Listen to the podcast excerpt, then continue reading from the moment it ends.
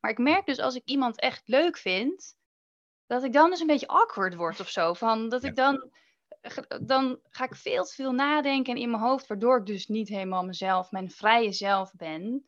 Want ook als ik dat wel ben, is er natuurlijk ook een kans van, oké, dan kan ik dus ook worden afgewezen op wie ik dus ben, als ik mezelf ben.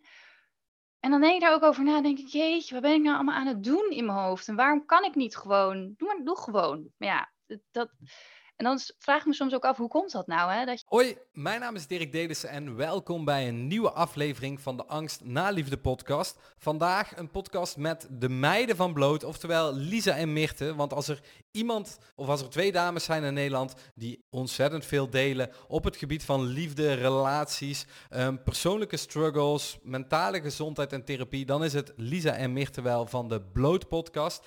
Um, ontzettend blij dat ik ze voor de podcast heb weten te strikken. En als ik terugkijk op het gesprek wat ik met ze had, dan um, ben ik van mening dat het echt een heel erg waardevol gesprek is geworden. Um, ik denk dat je er sowieso uit gaat halen um, hoe jij authentieker kunt blijven op het gebied van daten en ook in liefde en in relaties.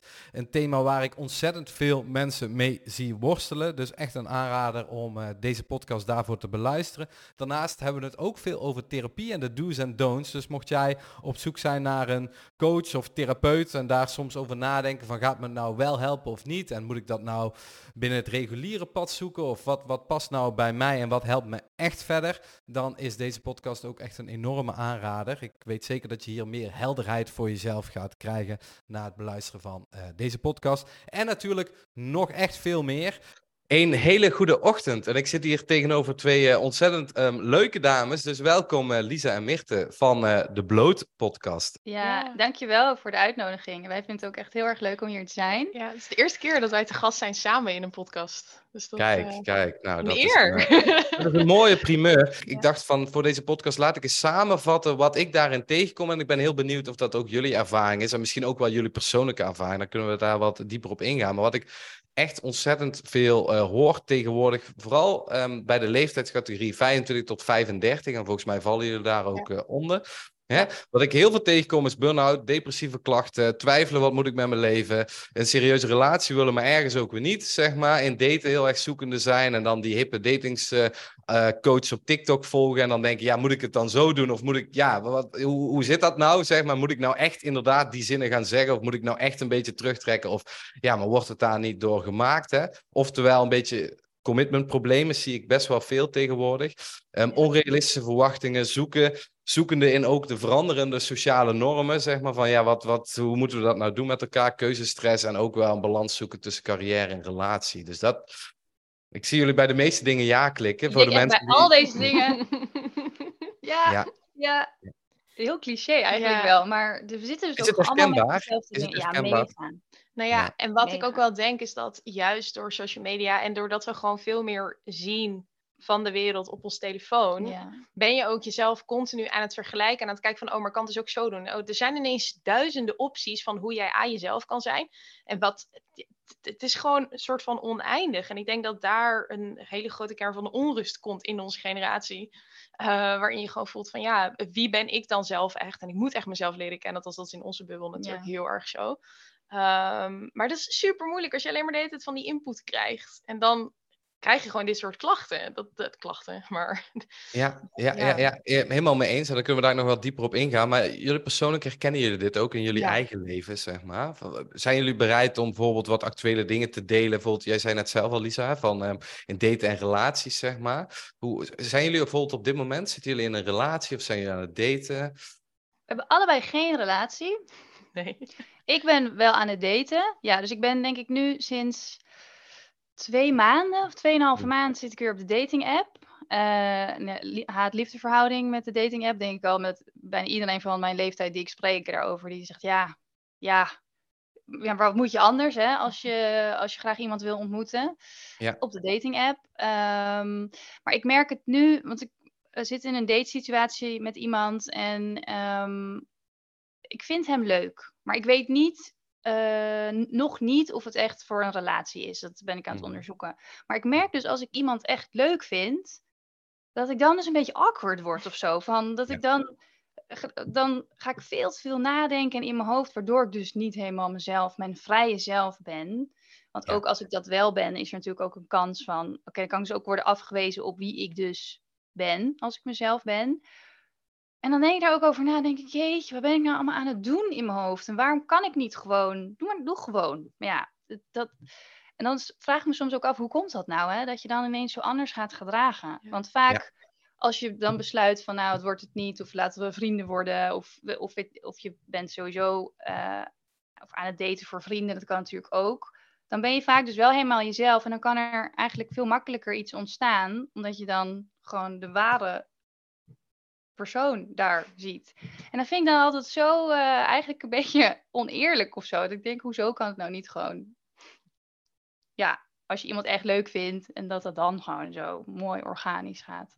Ja, ja, is dat en- iets wat jij vaak hoort? Eh, heel vaak, heel vaak, zeg maar. Dus dat, dat is wat echt ontzettend... Dus je bent zeker niet de Ja. enige. Nee, dat komt ontzettend vaak voor. En la- laat ik hem sterker stellen. Ik, ik ben nu 33, dus ik zit volgens mij in dezelfde leeftijdscategorie als jullie. Ehm, En naast mijn professionele achtergrond natuurlijk heb ik ook mijn persoonlijke achtergrond. En herken ik het ook als persoon heel erg. Ik zei altijd, tot denk ik zes, zeven jaar geleden... ehm, ik heb een ontzettend leuk leven, dus ik heb een goede baan, zeg maar. Ik werkte toen ook als therapeut en... ehm, ik heb een ja, leuk leven en veel reizen. En ik was gewoon en leuke vrienden, zeg maar. En, en dus gewoon een stabiel, leuk leven. Maar op het gebied van liefde en relaties, dan zei ik al, dan heb ik twee linkerhanden. En dan werd ik soort van de onzekere, slechtere versie van mezelf. Zo voelde dat altijd voor mij. Ehm, dus, dus, dus ja, ik zie het ontzettend veel in mijn eigen praktijk. En ja, ik herken het ook in mijn, eh, als persoon, zeg maar. Ehm, en ik hoor het dus ontzettend veel eh, terug. Dus, dus heel veel mensen die lopen hier tegenaan. En wat, wat, wat, wat ik daarin zelf altijd, eh, waar ik zelf achter kwam, is, is een aantal dingen. Kijk, wat, wat sowieso niet helpt en wat ik heel veel mensen ehm, zie en hoor doen, is dat eigenlijk ehm, op allerlei manieren proberen te vermijden. Dus wat tegenwoordig heel erg hip is om met heel veel mensen tegelijk te gaan daten, want dan voel je, en ik zie jullie lachen, hè, want dan voel je dus eigenlijk niet die kwetsbaarheid, zeg maar. Want dan voel je eigenlijk van, van allerlei mensen voel je aandacht en dan, ehm, en dan denk je, ja, dan, dan is die, die, die onzekere afhankelijkheidsgevoel of dat kwetsbare gevoel van, hey, vindt die persoon mij wel echt leuk? Ehm, ja, dat is dan mooi gecoverd. En dan denk je, nou, dat is fijn, want dan ben ik heel erg leuk. Maar er zit natuurlijk een hele grote keerzijde aan, zeg maar, die we allemaal wel kunnen invullen, wat daar de keerzijde van is.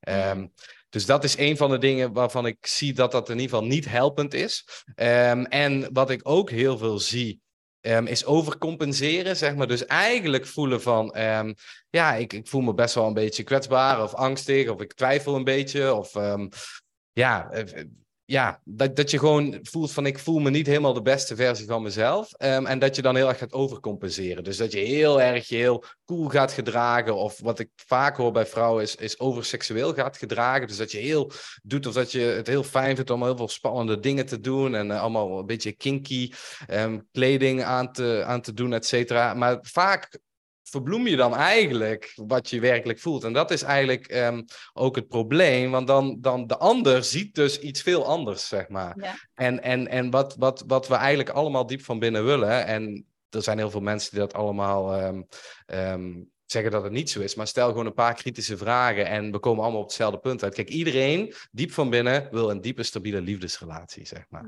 Ja. Maar het gedrag wat wij vertonen in daten is soms verre van dat, zeg maar. En dat komt omdat we gewoon ja, dat heel graag willen. En dan dat koste wat kost, dat eigenlijk voelen van hé, hey, dat moeten we dus niet verliezen. Of dat is zo prestige, zeg maar. Dat we, dat we ons allemaal gaan aanpassen en, en pleasen of meebewegen, overcompenseren. Om maar dat te krijgen wat, wa- waarvan we dat ook helemaal geromantiseerd hebben. Van oh, dat moeten we hebben, want dan ben ik compleet of dan ben ik gelukkig.